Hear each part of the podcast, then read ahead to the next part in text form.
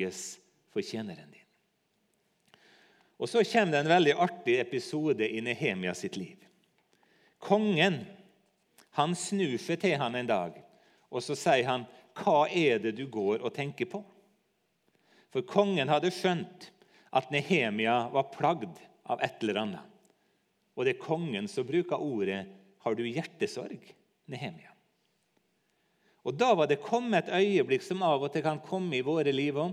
Det kommer øyeblikk i mitt liv, sjøl om jeg ikke er veldig frimodig når jeg ikke står på en talerstol, hvor jeg vet at nå må jeg faktisk si noe om Jesus. Og Nehemia visste nå må jeg si hva jeg går og tenker på. Han hadde større konsekvenser han enn vi ofte har, for han visste det kunne koste han livet. han. Og så står det så fint Da ble jeg meget redd. Jeg tenker å stå på en ti meter stupebrett. Hadde jeg gjort det, så hadde jeg vært livredd. Så ba jeg til min Gud, og så sa jeg. Livredd, ber til Gud, og så hoppa du ut i det. Og så får det bære eller briste, og så bærer det alltid når du har med Gud å gjøre. Og så får altså Nehemia lov til av kongen å reise til Jerusalem og begynne å bygge opp igjen den byen som kongen da fram til da hadde vært så ivrig på skulle ligge i ruiner til all tid.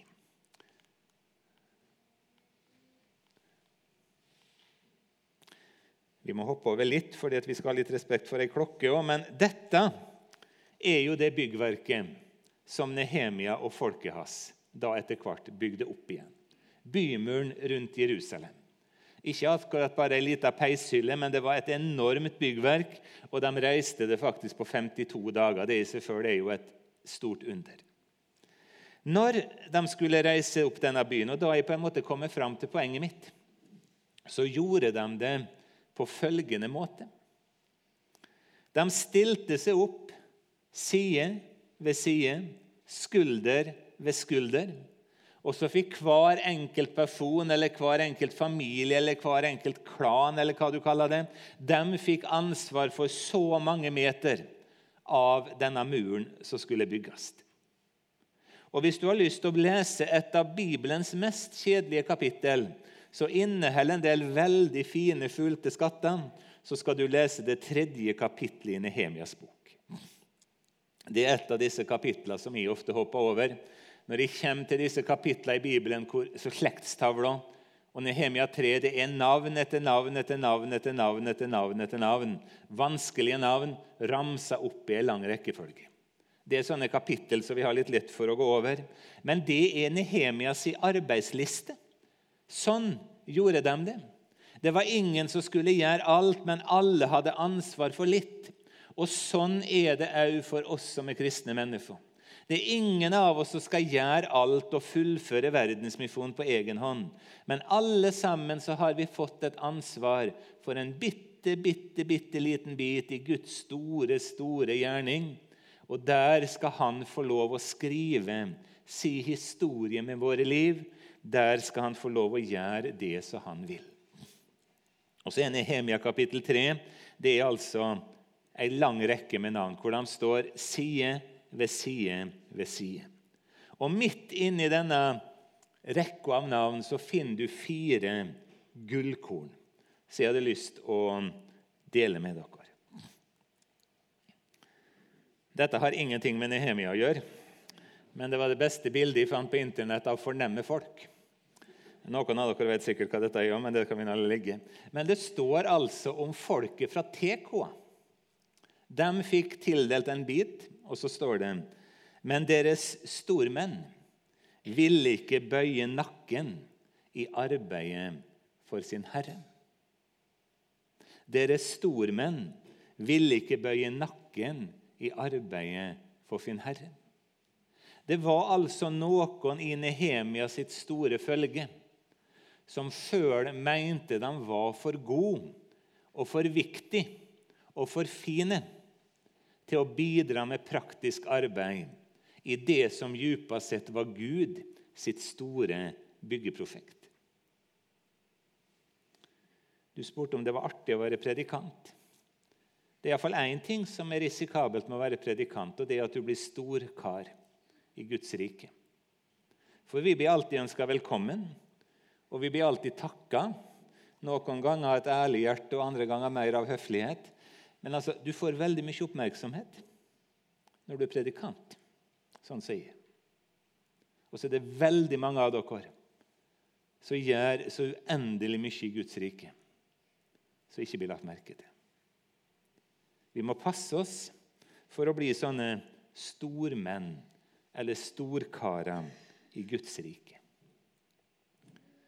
Og Så står det om en kar som heter Baruk.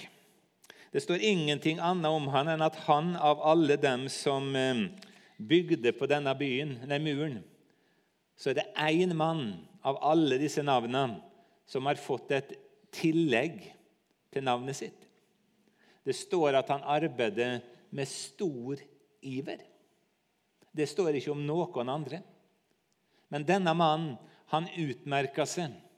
Han var så ivrig. Det var så viktig for han å bidra i dette arbeidet. Kan Gud i himmelen, skriver Ari Love Harlås, ivrig hvis han fører arbeidsliste over det vi gjør. For Baruk visste hvor viktig det var.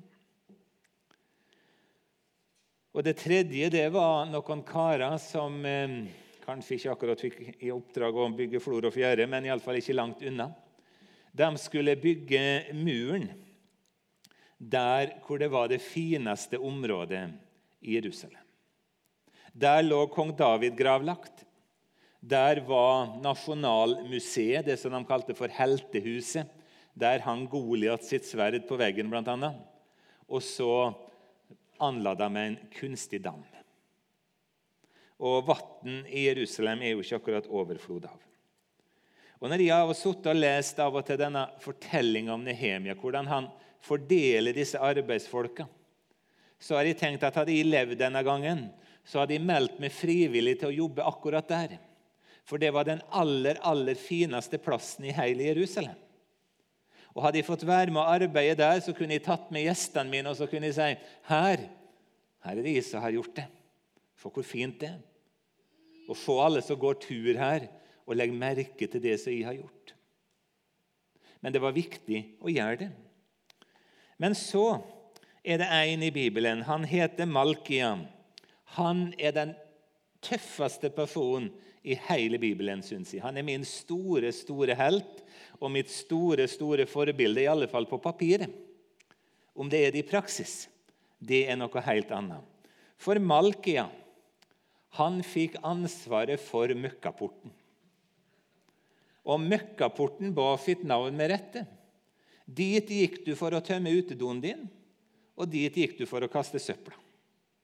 Det var, unnskyld uttrykket, men det var en drittplass, rett og slett. Der står Malkia og folket hans. Lengre bort så står dem som ikke vil bøye nakken i arbeidet for Herren sin. Dem som jobba ved kong Davids grav og ved den flotte dammen. Og så var det noen som fikk liksom virkelig svarteper i denne settingen. Det er veldig mange arbeidsoppgaver i Guds rike som ligner litt på møkkaporten, selv om kanskje dette bildet er litt vel dramatisk. Og hvis Gud vil skrive si historie i mitt liv med at det jeg skal gjøre, ikke blir lagt merke til, ikke blir løfta fram, helt i det stille, så er det mitt ønske at de skal gjøre akkurat det. Og Så skal jeg kanskje tråkke litt i salaten før jeg skal gå inn for landing. Kona mi er glad i å legge puslespill. Men puslespill, det har jeg aldri skjønt. Hvis du har et stort, fint bilde, hvorfor skal du klippe det opp i 10 000 biter og bruke to år på å legge det sammen igjen? Det overgår min forstand, men jeg vet at veldig mange har glede av puslespill. Også, men så har jeg også tenkt det, da. Hvis de hadde lagt et puslespill og holdt på med det i årevis, og det var 10 000 biter, og så mangla jeg én bit når jeg var ferdig, så tror jeg det hadde vært en eh, liten tanke irriterende. Jeg tror det. Vet dere noe, folkens? Det er én ting jeg virkelig, virkelig, virkelig ikke vil. En ting som jeg ber om ikke må skje. At jeg skal være den brikken i Guds store puslespill som ikke ligger der. At det skal være et hull på den lille, lille flekken i Guds store, store verdensvide kirke. Hvor han satte med med mine nådegaver og med mitt liv og ønskte å skrive si fortelling med mitt liv. Jeg håper virkelig ikke at jeg er den brikken som mangler i Guds sitt store bilde. Jeg håper vi kan være mennesker som står langs denne muren der Gud har satt oss. Ikke for å bygge opp igjen en mur, men fordi at vi skal være med og fortelle om Jesus. Og Så viste jeg dere dette bildet her i går, som beskriver hverdagen til de fleste av oss. Det er transport, det er sykkel, det er biler, det er klips, det er kulepenn, det er blyanter, det er kontor. Jeg tror livet til veldig mange av oss i perioder er nokså hektisk. Vi våkner, og vi vet at denne dagen vil jeg knapt ha tid å trekke pusten. Det er arbeid, det er barn eller barnebarn for noen av oss, og så er det ting vi skal være med på. Og så vet du at før denne dagen omme, så vil jeg mer eller mindre knapt ha tid å tenke en tanke før jeg stuper i seng. Tenk om vi da kan begynne dagen slik som Nehemia gjorde det. Herre, la det i dag lykkes for din tjener. Tenk om vi kan stoppe et lite sekund før vi åpner ytterdøra for første gang, og be den bønna eller ei lignende bønn. Herre, la det i dag lykkes for din tjener. Hva skal lykkes? Jo, Jesus, at du midt i all den travelhet som jeg skal gjennom i dag, får lov å skrive de historier med mitt liv. Jeg syns dette er ei nydelig bønn. Og Det har vært perioder i livet mitt og så har du et godt forfett, ikke sant? og så begynner du på noe, og så tar det brått slutt. Men den perioden jeg har bedt denne bønna før jeg går ut til en ny dag Det har vært litt annerledes å være menneske. Fordi at Gud vil jo mer enn gjerne svare på akkurat det. Skriv din historie med mitt liv. Vi har drøfta det litt, Aud Karin, og jeg tror bare vi skal hoppe i det. Aud Karin. Jeg skal reise om en time, så det betyr ikke så mye om det blir et mageplask. Men hvis du skal skrive noe, så må du jo ha noe å skrive med. Og På Flekkerøy bedehus har dere denne blyanten her. Jeg vet ikke hvor mange som vet om det. Lagd av Gunnar Først en gang i tida, så vidt vi forstår. Og Her er det en del folk som har skrevet navnet sitt på han. Nå skal du få anledning Ingeborg og jeg skal stå fremme her og holde denne her. Nå skal lovsangsteamet synge litt. Og så kan du, hvis du vil, komme fram og skrive fornavnet ditt på denne blyanten. Du trenger ikke å skrive hele adresse og telefonnummer og e-postadresse, og alt det, men fornavnet ditt. Det betyr ikke mer for Gud det enn om du bare der du sitter, ber denne bønna. Men av og til er det godt å gi et litt sånt fysisk gjensvar på ting. Og Så vil det stå to forbedere på hver side av oss, og så kan de legge hånda på panna di og bare si 'Herren velsigne deg'. Jeg tror vi skal våge å gjøre det mens dette bildet, iallfall denne bønna, kan være der. Kan du gi et litt synlig for din egen del tilbakemelding på 'Jeg ønsker å være en sånn blyant, Herre', så du får skrive ditt liv med. Herre, la det i dag lykkes for din tjener. Så nå gjør vi det i forlengelsen av talen. Vi står her nå. Hvis dere kan synge litt for oss. Og så har du mulighet til å komme fram og få en enkel velsignelse fra noen av forbederne, og så kan du skrive navnet ditt på denne. Og Syns du det er fremmed og unødvendig, så er det helt greit å bare sitte.